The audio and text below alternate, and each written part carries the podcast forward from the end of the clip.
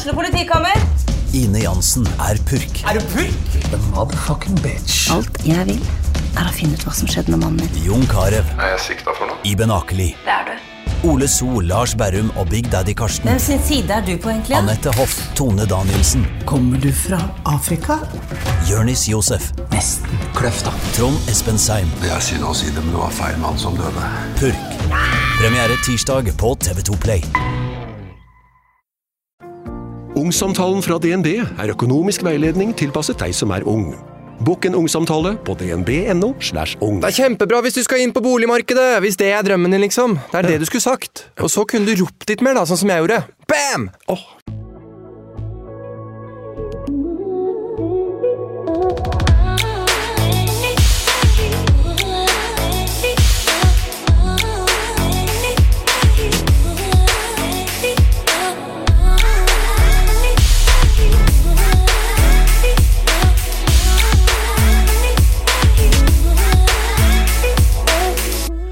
Nytt år og nye muligheter.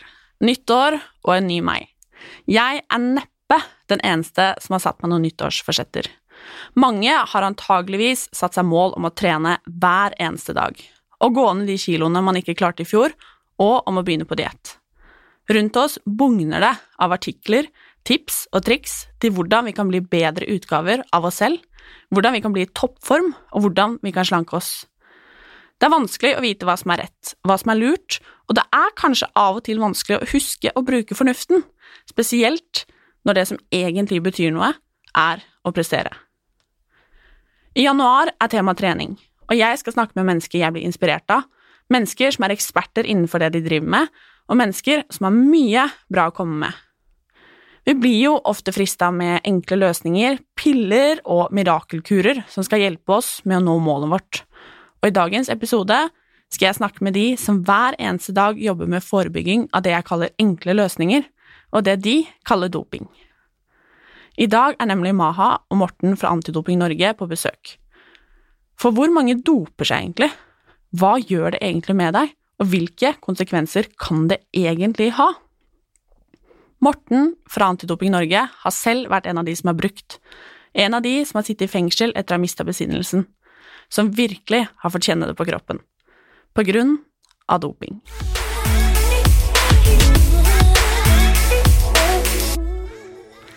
Hei og velkommen. Takk. Takk, takk. Åssen har dere det? Veldig bra. Ja, fint. Fått kaffe og Da er alt som det skal? Ja. Nydelig. Jeg syns det er veldig kult at dere har lyst til å komme og prate med meg. Jeg er ganske blank på tema, for å si det sånn, så det er kult å på en måte få litt eh, hjelp fra ekspertene. Jeg er liksom en av de som eh, prøver å ikke ta til meg disse tipsene og triksene som det florerer av rundt omkring og på sosiale medier, liksom, men eh, det er ikke alltid like enkelt. Det er mye av det. Det er veldig mye av det. Stort press. Ja, og det er liksom Du, du, det blir bare mer og mer. Og det er liksom vanskelig å vite, ja, som jeg sa, hva som er lurt og hva som ikke er lurt, og holde tunga rett i munnen, og spesielt når man har et mål, og det er å bli enda bedre, enda penere, enda sterkere, enda tynnere, liksom. Ja. Men få høre.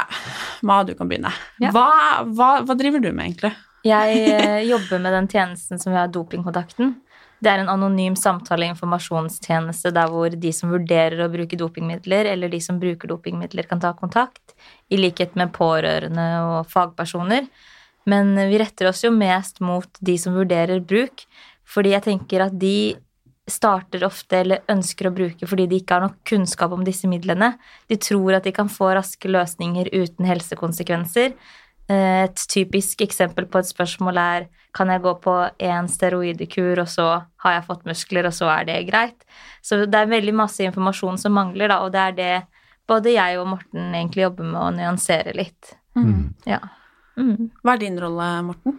Du, jeg eh, er jo som Ma sier eh, med å betjene dopingkontakten, og så er jeg også veldig mye ute og holder mange foredrag. Møter mange mennesker der ute i det ganske land med budskapet, det forebyggende budskapet. Fordi du har peiling, du. Ja, det Jeg trodde i hvert fall at jeg hadde mye peiling da jeg var en del av miljøet. Det skal jeg ærlig innrømme. Jeg var jo en del av det miljøet her i, i ti år selv. Eh, mye bro science der òg, for det er veldig mye informasjon som er lett tilgjengelig der ute. Og kanskje til og med særlig i dag, som du er inne på med treningstrender og sånn, så er det kanskje vanskelig å manøvrere i all den informasjonen og skulle på en måte kvalitetssikre det eh, og gjøre det om til kunnskap og så ta det ut i, i livet. Mm. Det er kanskje ikke en sånn enkel øvelse når det er så mye. Eh, og det er litt det samme i, i dopingmiljøet med at det er veldig mye myter og oppfatninger om ting som kanskje ikke helt stemmer. Eh, nå som jeg da jobba i Antidop i Norge i seks år og fått sett eh, en litt annen side av det, så, så, mener jeg at jeg har i hvert fall mer kunnskap nå enn da jeg var en del av miljøet selv, iallfall. For hva, hva, består liksom hverdagen av når man jobber i Antidoping Norge? Jeg har et litt sånn, som jeg sa til dere før vi begynte, kanskje et litt sånn stereotypisk og kjipt syn egentlig på Antidoping Norge. Det er mitt, mitt, forhold til det er liksom å sitte og vente når eh, kjæresten min er på dopingkontroll, liksom. Det er det jeg tenker på. Fader, nå er de her igjen. tenker jeg, Samtidig som jeg innerst inne syns jo det er fint. Men, så jeg lurer, hva, hva består liksom hverdagen av? Hva, hva, gjør dere egentlig? Så jeg kan jo ta deg med til forebyggende avdeling, sånn eh, hvis du kan se for deg at vi er ca. fem-seks stykker som jobber på et kontor og jobber med folkehelse så tenker vi på hvordan kan vi påvirke lokalsamfunnet på best mulig måte. Doping kan forekomme på treningssentre, men tanken kan allerede starte på skolen. Eh, så det er veldig mange personer i kommunen som kan påvirke positivt. Det er mange personer på treningssenteret som har en rolle som de kan spille. Det er eh, personer i idrettslagene som kan påvirke, så vi jobber med de som kan påvirke miljøet i mye større grad enn det vi kan. Eh, med å gi informasjon, og hvordan er det man kan forebygge, hva kan man gi av informasjon, den type ting. Da det er sånn vi jobber. Så når Morten er ute og holder foredrag, f.eks., for eksempel, så forteller han jo ikke bare eh, om sine erfaringer, men han snakker også om den kunnskapsmangelen som er, eh, som man trenger å på en måte belyse litt mer, da. Vi jobber med forskning på mange forskjellige tema, studiedop f.eks., som har vært litt i vinden i det siste, slankemidler, fettforbrennende midler, eh, muskeloppbyggende midler, fungerer det? Hvordan er det det ikke fungerer? Hva er helsekonsekvensene? Den type ting. Hmm. Også, ja. For hva er det dere møter? Der ute blant folk? Mm. Jeg opplever at vi møter kanskje litt lite kunnskap, som Ma er inne på. Det gjelder de som både er nysgjerrig på preparatene, Eh, men også kanskje en del av de menneskene som er rundt de. Eh, for hvem er det som møter da den personen som enten vurderer eller har begynt å bruke dopemidler? Det kan jo være alt ifra foreldre, læreren, helsesøster, en trener Altså alle de som er rundt vedkommende også, opplever at det er veldig lite kunnskap og oppmerksomhet rundt dette her med doping. Eh, og Det er kanskje naturlig, fordi doping ble jo uh, forbudt å bruke så sent som i 2013. Det har alltid vært lov å bruke disse midlene. Det visste jeg ikke engang. Ja. Nei, det er det mange som blir sjokkert over. Oi. Så det, det, kan jo ha litt med hvordan samfunnets innsats imot denne problematikken har vært tidligere òg. Det har på en måte ikke uh, fått like mye fotfeste som andre områder som vi har jobba lenge med. Så da er nok kunnskapsnivået også deretter, tenker jeg. Det har liksom ikke vært en oppmerksomhet på dette på samme måten. Og det er mange som ser på det som eh, nesten det samme som rusmidler. Men greia er at når du bruker rusmidler, så er det ofte kanskje deppa, eller du har en eller annen tilstand som er negativ. Men når folk er på trening og ikke føler en stagnasjon, blir, eller føler en stagnasjon at de ikke kommer eh, frem i treningen, så føler de bare at ok, nå skal jeg være løsningsorientert, nå skal jeg finne nye løsninger. Det har ikke så mye med at de tar tak i disse følelsene å gjøre, egentlig. Så man blir eh, presentert med midler også ganske lett. Hvis du søker på hvordan man skal bygge muskler på nettet, så er det jo ikke mange sidene før du kommer til en nettside der det f.eks. selges dopingmidler. Så når man er interessert i trening, så er man jo også eksponert for forbilder og informasjon om dopingmidler også ganske raskt, da. Mm. Hvor mye doping er det egentlig? Det er veldig vanskelig å si helt håndfast. Ja. Doping er et veldig vidt begrep. Eh, jeg tror mange ser for seg noe når de hører ordet doping. Eh, kanskje noen forbinder det mer med det som forekommer i idretten. Andre forbinder det kanskje mer med anabole steroider og litt av det boliggutta. Men doping er et veldig vidt begrep, eh, så det er vanskelig å slå helt fast med hvor mange som faktisk doper seg. For veldig ofte så er jo dette selvrapporteringsstudier som skal prøve å fange hvor mange som faktisk bruker. Men da er det veldig opp til vedkommende som svarer og vurderer selv om jeg faktisk doper meg. Eh, hvis jeg bare bruker litt eh, fettforbrennende midler, bruker jeg egentlig doping da? Kanskje man har en annen oppfatning av det. Så, så det er veldig vanskelig å slå i bordet med faktisk hvor mange som bruker, men det jeg i hvert fall har opplevd etter å selv ha vært en del av miljøet, er at eh, miljøet har endret seg. For tidligere da jeg var en del av det, så var det ofte de hva skal vi si, eh, de svære kara i gatebildet. Det er de jeg tenker på. Ja, Når jeg tenker sant? på steroider, da tenker jeg på de der svære, tøffe gutta som liksom eh, Snille som lam, men eh, svære som bjørner, liksom. Ja, de sprada rundt i gatebildet her da, i sånne boligbukser, spraglete boligbukser og rumpetasker og hadde veldig svære overkropper. De gikk jo sidelengs inn dørene, ikke sant, oksenakker og Noen har kanskje det bildet av det. Og jeg opplevde jo også at den tiden jeg selv var en del av miljøet, så var det jo også majoriteten av de som brukte. var min opplevelse iallfall. fall. men etter hvert som jeg var en del av det treningssenteret og dette miljøet, så opplevde jeg at mer og mer hva skal vi si, vanlige folk uh, fatta interesse for bruk av dopingmidler. Og det kan jo kanskje ha noe med den endringen i kroppsidealer, litt eh, at sosiale medier tok veldig av på den tiden der, så man fikk en annen arena, plattform også. Eh, og så er det jo da litt mer de presentable kroppene som nå har blitt populært, og da har bruken også endret seg. Men hvem, hvem er det liksom dere snakker med? Er det, altså, hvem er disse menneskene, liksom? Mm. Det kan være alt fra en eh, jente syns, på 16 år som syns at det er vanskelig å starte på treningssenteret fordi terskelen er så høy. Alle er så godt trent på treningssenteret, så hun har lyst til å bruke fettforbrennende midler, gå ned åtte kilo før hun starter på treningssenteret.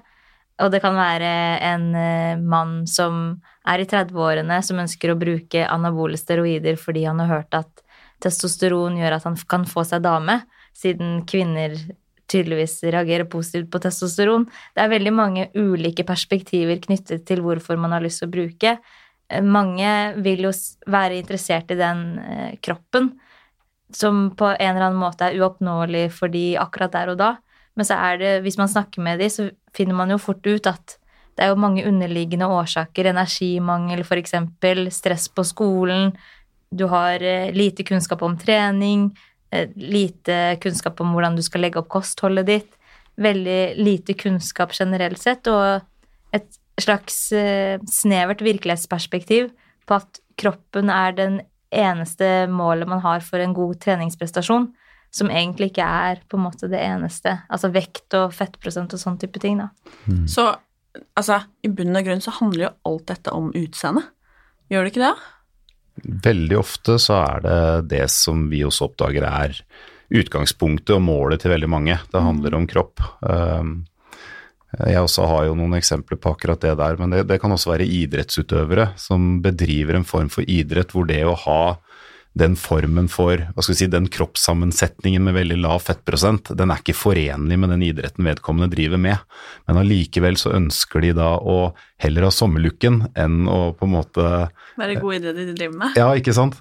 Så, og det blir jo litt sånn Hvordan skal du klare begge deler, da? Mm. Hva er viktigst for deg? Men det er klart, jeg opplever at, at eh, kroppen og utseendet har jo blitt en sånn eh, Skal vi si en sosial eh, Kapital. kapital, ja, på mange måter, som, som har fått veldig stor plass, stort rom. Det definerer oss veldig mye, og jeg tror veldig mange er veldig opptatt av det. Og det blir litt sånn altoppslukende for enkelte. Så det, det opplever jo vi med de vi prater med også, at det, det er veldig mye kroppen som er drivkraften bak det. Så har det gjerne vært en eller annen underliggende årsak da, som har, har boosta dette her. Hvorfor begynte du? Du, jeg var jo en del av idretten sjøl. Jeg spilte fotball og opplevde jo litt utfordringer da jeg gikk fra juniorfotball til eh, A-laget. Jeg var bare 15 år da det skjedde. Jeg har alltid vært en gutt som har vært veldig høy, men også tynn. Eh, Jeg hadde ikke noe sånn utseendefokus i det hele tatt på den alderen der. Eh, Alt dreide seg om funksjonaliteten i forhold til idretten jeg drev på med. Og på juniornivå så funka jo kroppen min som han skulle. Eh, Jeg møtte jo gutter med hva skal vi si, mer lik kroppsfasong, og, og jeg kunne matche dem i det fysiske spillet. Men når jeg kom på A-laget, så endret det seg voldsomt. Da opplevde jeg plutselig at det kom spillere mot meg i en fart av 140 km i timen, og det var som å treffe godstog i lufta. Og det gjorde jo at selvfølgelig jeg fikk jo mye juling, og da begynte jeg å trekke meg i situasjoner. Og, og det gjorde jo noe med mestringsfølelsen og noe av gleden med å drive med fotballen. Og, og, da ble jeg jo veldig sånn ok, her må jeg finne en løsning. Eh, var løsningsorientert og tenkte at ok, da må jeg begynne å trene på treningssenter, for dette må jeg få gjort noe med. Så, så for min del så kjente jeg jo litt på dette her med kropp i forhold til idretten den gang, som, som handla mer om den funksjonaliteten i forhold til idretten. Eh, og for min del så jeg tror at det handler veldig mye om hvor robust du da er når du opplever sånne kriser i livet, om det er i idrettssammenheng eller andre, andre sammenhenger, så handler det veldig mye om hvor robust du er og hvor løsningsorientert du er, og finne de gode løsningene.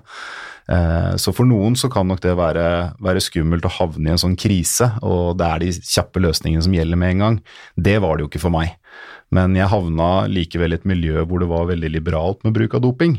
Eh, og de gutta lot jeg meg jo påvirke av over tid. Og her igjen da så handler det om informasjon, ordets makt. Hvordan skal man på en måte selektere all den informasjonen som er der ute? Fordi disse gutta de representerte noe. Ja, de gutta her de hadde jo sterk selvtillit. Det, altså Kroppen deres var hogd ut i granitt. De hadde hver sin Paradise Hotel-dam i hver sin arm. De cruisa rundt i Oslo her i kabriolet, eh, i Hugo Boss-dress og med feit seddelklippe. De representerer noe, de har karakter, og samtidig da har en viss form for kunnskap om doping. Eh, stoffene, vet hvordan de fungerer, hvordan de skal inntas, hvordan det virker, snakker på et språk som er veldig avansert. Det er veldig overbevisende. Nå i dag vet jeg at alt det de snakka med meg om, det var jo ikke kunnskap, det var jo en oppfatning. Eh, men der og da så er det lett å bli fanga i det, for det er gjerne sånn ordets makt. Så bare med ord da, så kan du endre folks oppfatning. Det trenger ikke være kunnskap. Og det er der jeg tror også folk har eh, en vei å gå i dag, med å, på en måte selektere hva som er eh, riktig informasjon og hva som ikke er det. Det er ikke alltid den som roper høyest og klarer å få fram ordet på en best mulig måte, på en velartikulert og riktig måte, som er nødvendigvis de som har rett. Jeg tror mange har sittet på en forelesning med en professor som har mye kunnskap, men som ikke har ordets makt, da, og så faller det han sier litt i grus. Det blir uinteressant, du blir umotivert. Men så kan du høre på folk som ikke nødvendigvis da har den faglige bakgrunnen, men som er veldig flink til å formulere seg, og så lytter man til vedkommende. Jeg lurer på en ting. Forble du bedre i fotball? Jeg ga opp fotballen ganske fort. Mm. Nei, jeg ble ikke bedre i fotball, og det hadde noe med at virkningen av de stoffene de ga meg en kroppsfasong som gjorde meg tyngre. Eh, jeg var ikke Altså, rekkevidden min ble kortere, og farten min ble lavere, så nei. Men så fort jeg begynte på disse stoffene, så endret jeg også veldig raskt fokus jeg ble utrolig eh, opptatt av hvordan utseendet mitt var så fort jeg begynte på disse stoffene begynte å trene på treningssenter. Det var det som ble hovedmotivasjonen min, det var å, å, å fremme kroppen på trening. Så da slutta jeg ganske fort med fotballen også. Mm. Hvilke historier møter dere av de dere snakker med i hverdagen? Det, det, er jo mye den type fortelling om at uh, jeg har trent uh, en liten stund, og har ikke merket noe effekt av treningen min. Og så har jeg kompiser som bruker et eller annet middel og har tidligere vært antidoping eller har, har, tenkt at jeg skal aldri bruke, men så er jeg interessert i å bruke nå, da. Det opplever jeg at det kan være en god del av. Og, men det er jo De som tar kontakt med oss, har egentlig veldig konkrete spørsmål. De vil gjerne vite om dopingmiddelet fungerer, hva slags bivirkninger det er, og om de kommer til å bli tatt. Det er ikke en særlig interesse for å snakke om følelser og det underliggende, og jeg tror at det er en av utfordringene med den målgruppen, kanskje. Som mange tenker, så handler det Noen av de muskeloppbyggende stoffene i hvert fall handler mye om menn og maskulinitet å gjøre. Og så tenker man, har man jo i lang tid tenkt at nei, menn sliter ikke med kroppspress, det gjelder kun kvinner. Men så har det jo vært studier som har sett på det nå nylig. Det var jo en studie i Stavanger, veldig stor en, 1300 deltakere, der hvor de som ble rekruttert mellom, gjennom sosiale medier, hadde veldig høy grad av muskeldysmorfi, eller det du kjenner som megareksi, da. 32, nei, 35% og det er jo en kjempehøyt antall. Når vi vet at 2% sliter med bulimi, eksempel, så er jo 35 veldig høyt. Ja, det er høyt. Ja, og, og, det var eh, menn mellom 16 og 40, så det er en stort aldersspenn også. Og det studiet ble gjort i 2019, så det er kjempenytt. Og jeg tenker at det på en måte symboliserer litt at det er mange som har disse tankene, men de vet ikke helt hva de skal gjøre med de. Eh, så de vil gjerne bare finne disse midlene, komme i gang med treningen, få denne kroppen, fordi de tenker at da har jeg funnet meg en løsning, da. Men jentene holder på, de òg. Absolutt. Det er jo en interesse for eh, ikke bare de fettforbrennende midlene også, det er jo en muskeloppbyggende trend der også. Styrketrening har jo blitt veldig populært. Og da lurer jeg på hva er egentlig konsekvensene av å drive med doping? Hva, hva går det utover, liksom? Ja, det er jo veldig eh, usikkert før du begynner hva som kommer til å ramme akkurat deg. Eh, det er veldig individuelt hva slags bivirkninger man får, og så det, har det veldig mye med hva slags type stoffer du inntar også. Eh, så det, det kommer litt an på stoffgruppen osv., men eh, både de fysiske og psykiske bivirkningene, og ikke minst sosiale konsekvenser, er kanskje noe folk ikke helt alltid forbereder seg på. Jeg opplever at veldig mange har det veldig sånn Ok, hvis det er steroider det er snakk om f.eks., så har de hørt at jeg kan øke 7-8 kilo. De ser at en kompis går på det, det går forholdsvis greit med ham foreløpig. Eh, bruker det som en målestokk kanskje, og så tenker de ok, hvis jeg øker 7-8 kilo, så er jeg fornøyd. Tre måneder senere så er jeg fornøyd med hvem jeg er, og så kan jeg bli der. Men så svart-hvitt er jo ikke verden. Man skal av disse stoffene etter, etter en periode, og da vil selvfølgelig da virkningen av stoffene avta, men samtidig så vil man også ofte havne i en litt sånn mørk dal etterpå. Man får en kjempenedtur ofte av å slutte på disse stoffene. Og da klarer man ikke å opprettholde treningsregimet sitt. Eh, man har kanskje blitt veldig detaljorientert på kropp og utvikling. Man ser at forfallet da blir stort, for virkningen har avtatt, og, eh, og man orker kanskje ikke trene like mye. Eh, man kan oppleve at potensen forsvinner, som da også er noe vi møter veldig mye i dopingkontakten, fordi den øker kanskje mens man går på anabole steroider, og så forteller man kanskje ikke kjæresten at man bruker det. Men han står jo tre uker, og du kan banke i fjellmenn. Kjempeimponert. Og så slutter du med disse stoffene, og så står jo ikke strutsen lenger. Altså, sånn, alle disse små tingene her, det, det er jo ikke alltid sånn man tenker over før man begynner, og så oppstår disse problemene underveis. Og så blir det ofte ikke til at man bare gjør dette én gang. Man har fått smaken av å trene på eh, disse stoffene med, med anabole steroider innabords, og da det er liksom veien tilbake. Den, den er ikke så enkel ennå. Det er veldig få som stopper etter én gang. Så, men det er litt avhengig av hva slags stoffer man går på, og det er veldig individuelt hva man opplever. Men de psykiske utfordringene er nok det man først vil kjenne på, og som kanskje de pårørende også ofte vil merke først rundt vedkommende. Det er jo ikke uvanlig at man kanskje får litt nedsatt impulskontroll, at man kan bli litt mer aggressiv, eh, men jeg opplever at brukerne veldig ofte knagger det på eh, litt sånn andre ting enn seg selv. Det er jo liksom kjæresten sin skyld at han blir sjalu, for eksempel, fordi hun kunne jo sletta Facebooken sin så han ikke ble sjalu.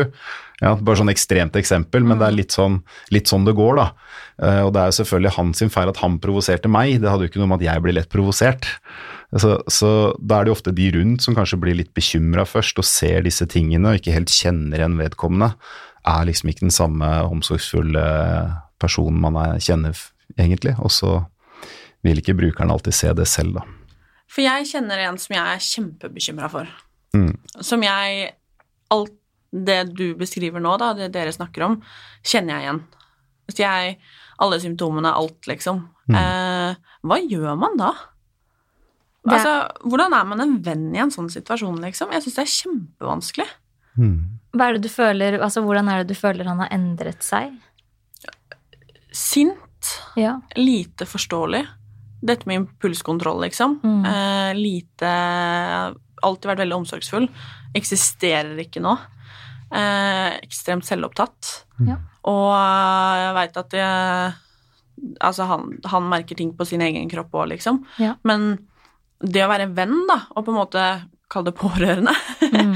i, en sånn situasjon, og man, Eller jeg, da, tør jo egentlig ikke å si noe heller, fordi at jeg vet at han kommer til å bli så eitrende forbanna. Um, og jeg vet at det er flere som på en måte står i samme situasjon som meg, da. Og hvordan man da kan liksom Hvordan tar man tak i det? Jeg kan godt forstå at det er frustrerende, særlig når personen i tillegg er ekstremt selvopptatt. For det som skjer når man eh, blir selvopptatt, er at man føler at man har mye kontroll. Og når noen da kommenterer at det du gjør er feil, så blir man jo irritert, fordi jeg har jo kontroll på livet mitt, jeg vet jo hva jeg gjør, herregud, jeg føler meg jo bedre. Hvem er du som skal på en måte kommentere at det jeg gjør er gærent? Og det er en av de største utfordringene, at folk ikke ønsker å ta det opp. Men jeg tenker en utfordring for han er jo at han ser ikke seg selv på den måten som du betrakter han, som de rundt han betrakter han.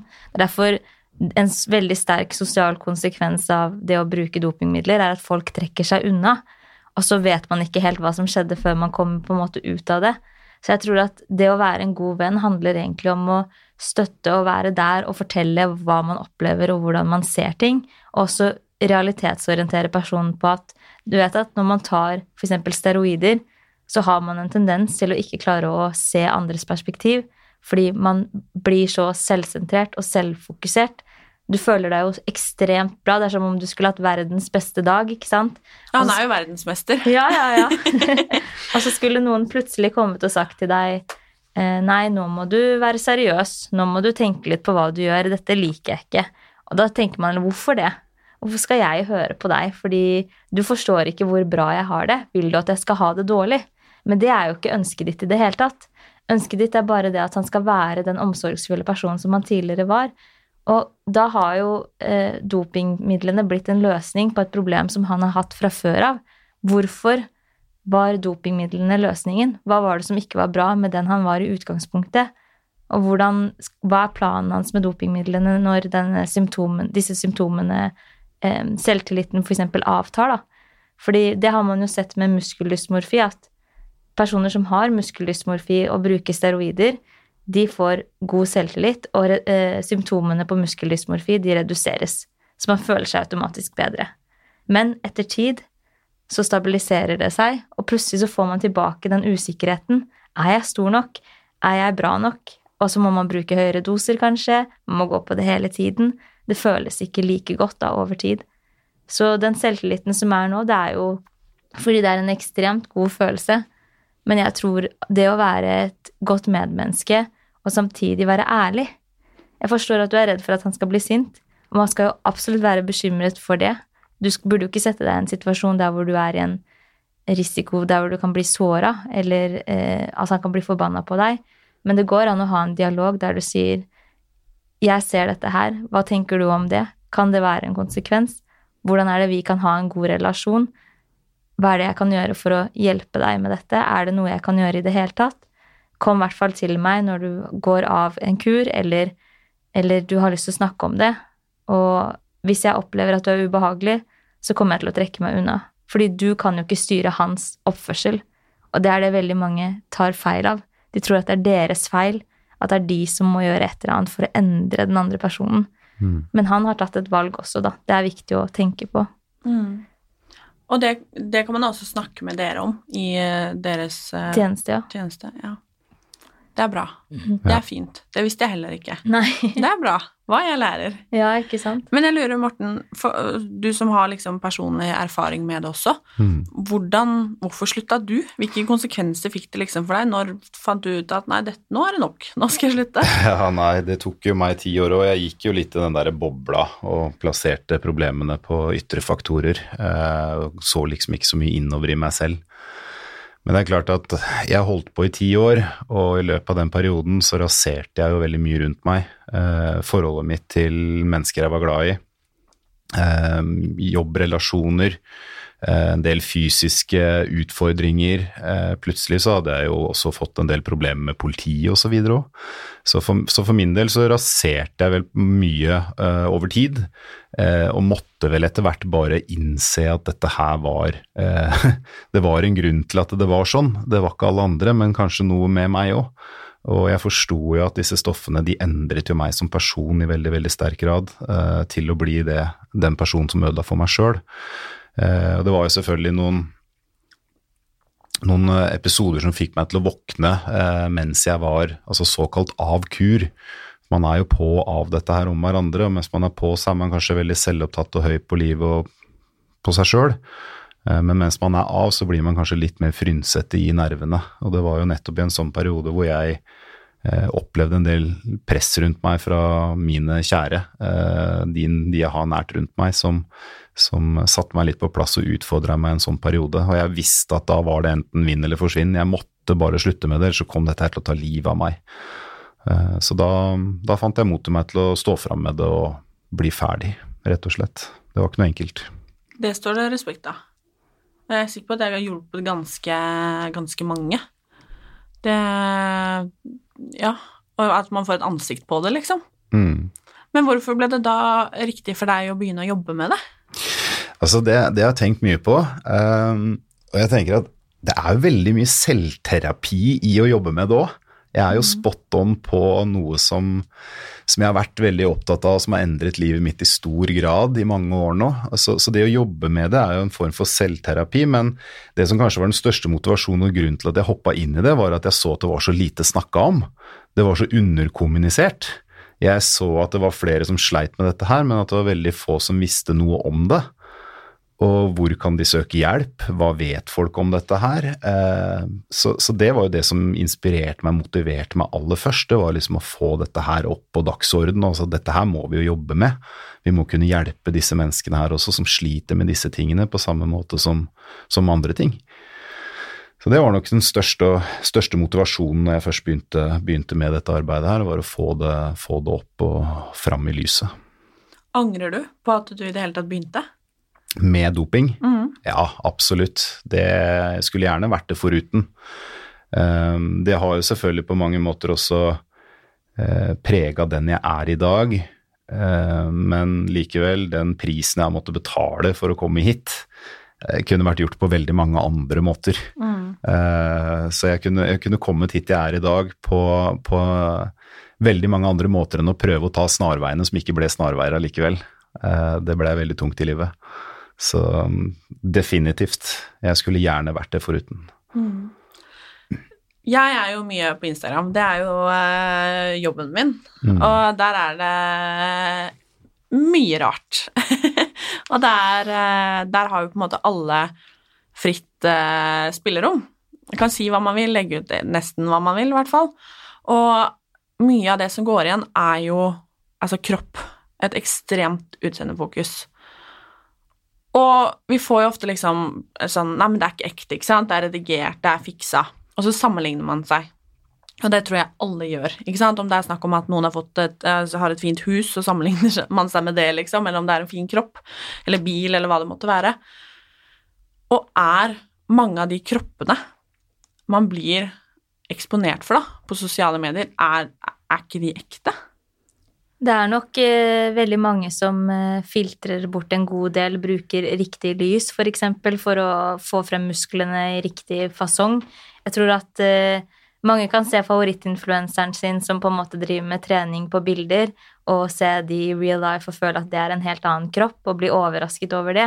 Så vi har jo gjort en del research på sosiale medier på disse personene som særlig er veldig opptatt av å fremme fysikken sin, men også promoterer dopingmidler. Eh, De gjør det ganske i skjul. De er veldig i skjul om at de bruker dopingmidler, for da mister de liksom legitimiteten. Dette her med at eh, de gir treningsråd, du betaler for treningsprogram, men så er det egentlig en kropp som er oppnådd på en helt annen måte uten treningskompetanse. Jeg har slutta å følge alle de. Ja. Jeg tror det er en lur beslutning, fordi for det første så er det litt sånn Er dette oppnåelig for meg? Det er jo den første, første feilen mange går i. Man ser før- og etterbilder f.eks. av en rumpe, da. Og så tror man at ok, hvis jeg trener sånn, så skal min rumpe også se lik ut som den. Men så vet vi at mye har jo med genetikk å gjøre. Uansett om du trener disse øvelsene, uansett hvor flink du er, så er det ikke sikkert du får den drømmerumpa i gåsetegn da, som på en måte du har eh, sett på sosiale medier. Og det er jo det som er utfordringen, er at treningsresultatet blir så snevert. Det skal være på en måte thigh gap, den rumpa, den sixpacken, den type muskulatur på overkroppen. Eh, og det at algoritmene på Instagram i det hele tatt feeder deg det samme som du har sett på, hjelper jo ikke i det hele tatt. Fordi hvis du har sett på et bilde, så viser det jo en tilsvarende kropp, og da får man et inntrykk av at ok, dette er den kroppen som er vanlig å oppnå hvis jeg er trent. Så da ser jeg jo ikke sånn ut.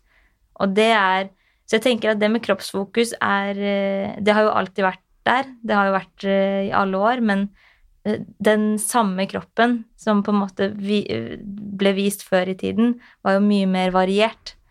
Eh, Nå er det veldig snevert pga. sosiale medier, og særlig hvordan disse sosiale mediekanalene er bygget opp. da. Så ja, kanskje feeden din er full av memes og, og sånne type ting i stedet, og det er kanskje en mer positiv ting, men hvis du er interessert i trening, og du ikke har råd til å kjøpe deg en PT-time, så er det fort gjort å havne i en sånn felle der hvor du søker på treningsveiledning på Instagram og ender opp med å få bare masse kropp som ikke er realistisk for deg å oppnå i stedet. Mm. Mm. Ja. Det merker jeg jo selv, og det er som jeg sa, at eh, jeg har slutta å følge de, liksom. Ja. Men det tok ganske lang tid, for Mm. jeg også liksom skjønte at eh, dette her gir meg egentlig ingenting annet enn en sånn vond klump i magen. Og det selv om jeg fulgte liksom menn på Instagram som liksom var Altså, det så ut som de var tatt ut fra en eller annen spillefilm, ikke sant, I, altså i kroppen. Og liksom at de gir meg ingenting. Ja. Selv om og Selv om de på en måte anså seg selv som gode forbilder. Og for noen kanskje det var det, I don't know, men for meg så var jo på en måte ikke det Det ga meg ingen verdens ting, og det tror jeg liksom er et lurt altså, å rett og slett fjerne det, og ikke selv, altså, eksponere seg for det, da. For disse gutta du prater om på, eller prata om på gymmen, liksom, de som gikk sidelengs inn dørene, Ja. at det er jo Det var kanskje din type Instagram, ja, det var det. liksom. De var jo vandrende re reklameplakater. Ja, og nå er de liksom på telefonen, de er i hånda di, de kan være der midt på natta, de er der om morgenen, altså når som helst så er de der, liksom. Mm. Mm, Hvis du tenker på dette her med at eh, du driver jo med sosiale medier, du har sikkert en forståelse for hva som ligger bak, den produksjonen som ligger bak å legge ut noe, men vi ser jo nå at stadig yngre personer er interessert i å trene på treningssenteret. Når du er i rundt 10. klasse, så eh, er det mange som melder seg ut av idrettslaget sitt, starter på gymmet. Da er du rundt 16 år gammel. Hvor god er du på sosiale medier da? Hvor god er du på trening, og hva kan du om trening? Hvordan er det du finner ut informasjon om trening? Går du bort til PT-en på treningssenteret og sier 'hei, du, kan du lære meg å trene'? Eh, Som regel ikke. Og det er jo det som er utfordringen, at da blir jo din verdi som influenser veldig høy. Fordi du skal plutselig da ta trenerens rolle. Du skal være den eh, karen på gymmet som gir veiledning, som har mye informasjon, og du får så mye tillit. Og det er jo det som skjer, og det er derfor disse influenserne på sosiale medier som gir treningsveiledning på en dårlig måte også, har fått så mye makt. Fordi man er desperat etter gode råd. De har fin fysikk, slik Instagram ser det. Og da er det på en måte de som har kunnskapen også. Sånn som eksempel dette her med kosttilskudd, hvis vi skal ta det som et eksempel. Det er jo blitt veldig populært å bruke. Men de aller fleste som har utdanning på feltet, sier jo at man trenger ikke bruke kosttilskudd for å få god treningseffekt. Ja, for det skal jeg til å spørre om. Trenger man egentlig noe? Altså disse Altså, hva er det man tar av? Kreatin, sånn pre-workout og så, liksom tilskudd her og tilskudd der. Trenger man det? Nei, altså det er jo ingenting som tilsier det, med mindre du har en mangeltilstand. Mangler du proteiner, så er det jo klart at proteiner er det du trenger. Men, det er jo legen som har sagt det, kanskje. Ja, men, ja. men det er jo eh, De aller færreste mangler proteiner. Ja. Det har jo man funnet ut, og det står jo i avisen hele tiden, men når man ikke leser avisen, så hvordan, hvordan kan man liksom få vite det, da? Eller få den kunnskapen? Mm. Jeg må spørre deg, Morten. For at du eh, Jeg har jo skjønt at du eh, var en av de som blei eh, ofte veldig sint. Mm. Hva gjorde det med deg? Å bli sint. Ja. Ja. Nei, det gjorde jo at jeg eh, Veldig mange av de rundt meg eh, ikke likte hvem jeg var lenger, selvfølgelig. Jeg skjøv jo veldig mange mennesker eh, vekk. Det er jo det, det mye av det handler om. Um, selvinnsikten var jo ikke til stede, og det også er en utfordring. Så det er klart det skaper mye, mye uro og veldig mye sånn skam og angst etterpå også. Etter at du har vært sint, så blir du veldig sånn skamfull og får litt angst og det, det fører med seg ganske mange følelser som man, man ikke er forberedt på før man begynner med dette her, kanskje, da. Um, og som man ikke er så, i hvert fall som gutt, føler jeg, uh, like villig til å dele med alle, hvis du skjønner hva jeg mener. Mm. Man snakker liksom, man har en forventning om at du er mann, og særlig når du bruker disse stoffene, så er du stor og tøff. Og da snakker du ikke om de tingene der, om at du faktisk ligger og har litt angst på kvelden du og tenker gjennom ting. Så det også er liksom en annen side av det som er viktig å få fram, at eh, det handler veldig mye om følelser her også. Menn har følelser, de òg. Vi snakker ikke like mye om kroppspress eh, for menn som vi gjør med kvinner, f.eks., men det er der i aller høyeste grad. De kjenner på de samme følelsene. Eh, det er ofte noen underliggende årsaker som gjør at man blir så opptatt av denne kroppen, og også begynner med dopingmidler. Hva er de tingene? Kan vi snakke om de følelsene? Det, det må vi bli litt tøffere på, tror jeg, komme litt mer fram på. for Sånn som du også nevnte i stad i forhold til han kompisen din, hva sier jeg til han? Um, for han så har en oppfatning om at nå er livet kanskje bra, akkurat nå i hvert fall. Mm. Og jeg hørte jo også på, på podkasten din med uh, en dame som uh, hadde vært gjennom dette her med spiseforstyrrelser. Og hun sa at hun snakka med en psykolog som da snakka om at Hun prøvde å ufarliggjøre det å spise brødskiver. Ja, for henne så er det noe underliggende her, det er noen følelser under der som burde vært tatt tak i og prata om mens man da blir møtt med det logiske, det kognitive. At det samme gjelder her også. Man må ikke møte da dette her med logikk og det kognitive, man må ned på det følelsesmessige, for det er en underliggende årsak her. Det er noe under der, og det er der vi må fram i kjernen av problemet. Mm. Hva er deres beste tips til de som nå tenker at eh, nå skal jeg bli stor og sterk, eller nå skal jeg få av meg de kiloene jeg enten altså, krangla med i tre år, liksom, eller kanskje ikke trenger å få være i det hele tatt. Eller altså, bli rett og slett perfekt, da. Så perfekt som overhodet mulig. Hva er liksom deres beste råd til de? Jeg vil si at de burde tørre å utfordre seg selv litt. Tørre å stille spørsmålstegn med prosessen på vei til, altså til det perfekte målet. Hva er prosessen, hva er tanken, er det noe man kan spare med noen om? Fordi det er jo vi veldig gode på og forstå kroppsprosjektet og forstå hva målet er, og diskutere litt hva som er tanken bak det, og hvordan man kan jobbe for disse målene kanskje på litt mer konstruktive måter. Det, så mitt eh, beste tips vil være utfordre deg selv, ikke isolere deg selv i prosjektet ditt. Mange virker som om de har nådd eh, det perfekte målet allerede. Det kan se sånn ut på Instagram, men de er jo en prosess, de også, så alle trenger å på en måte få reflektert over det, da. Det tenker jeg. Hva med deg, Morten? Jo, jeg er helt enig. Det er det du sier om at mange isolerer seg litt i det. Dette er mitt prosjekt, dette er mitt mål. Mm.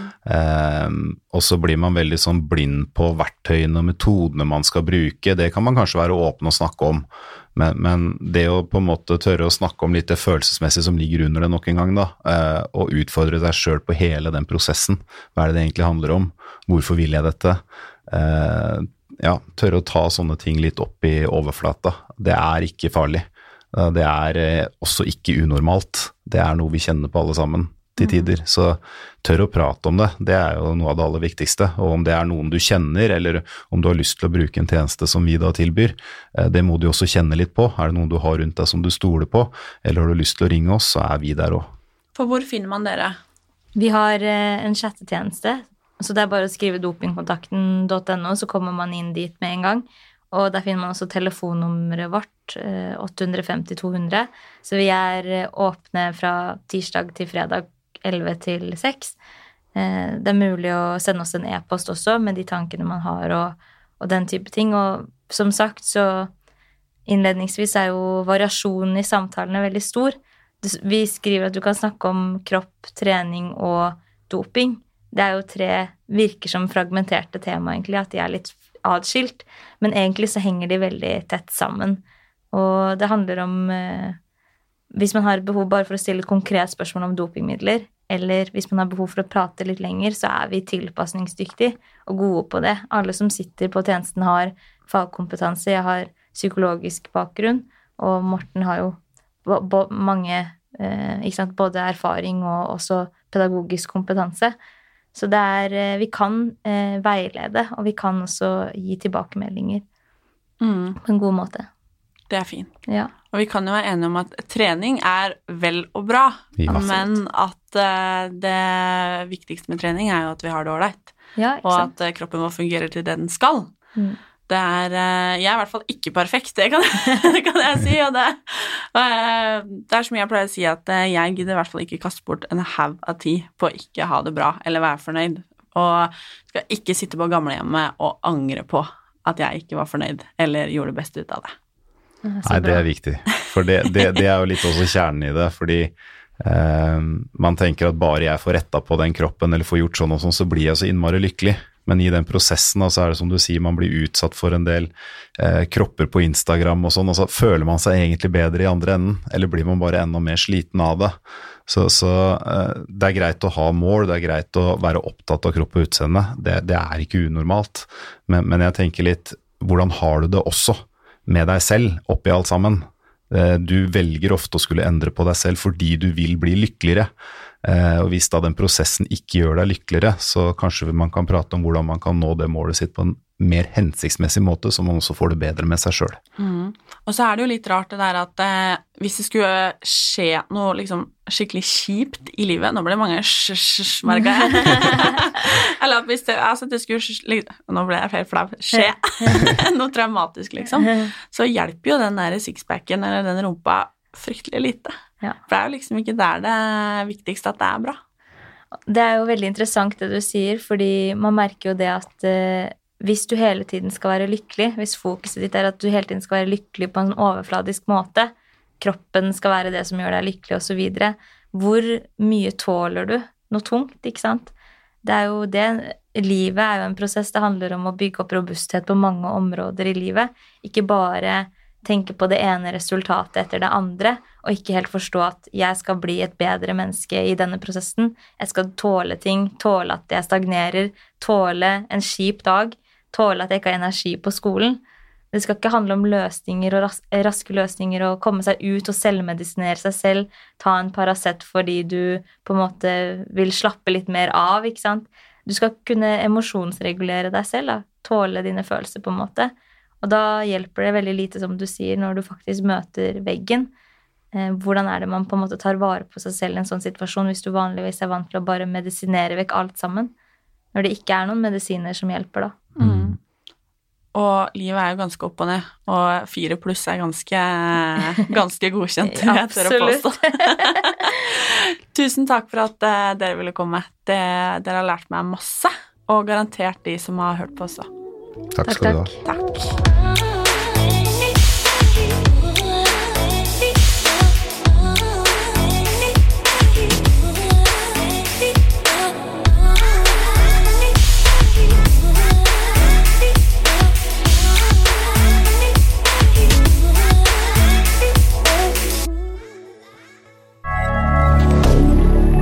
Media.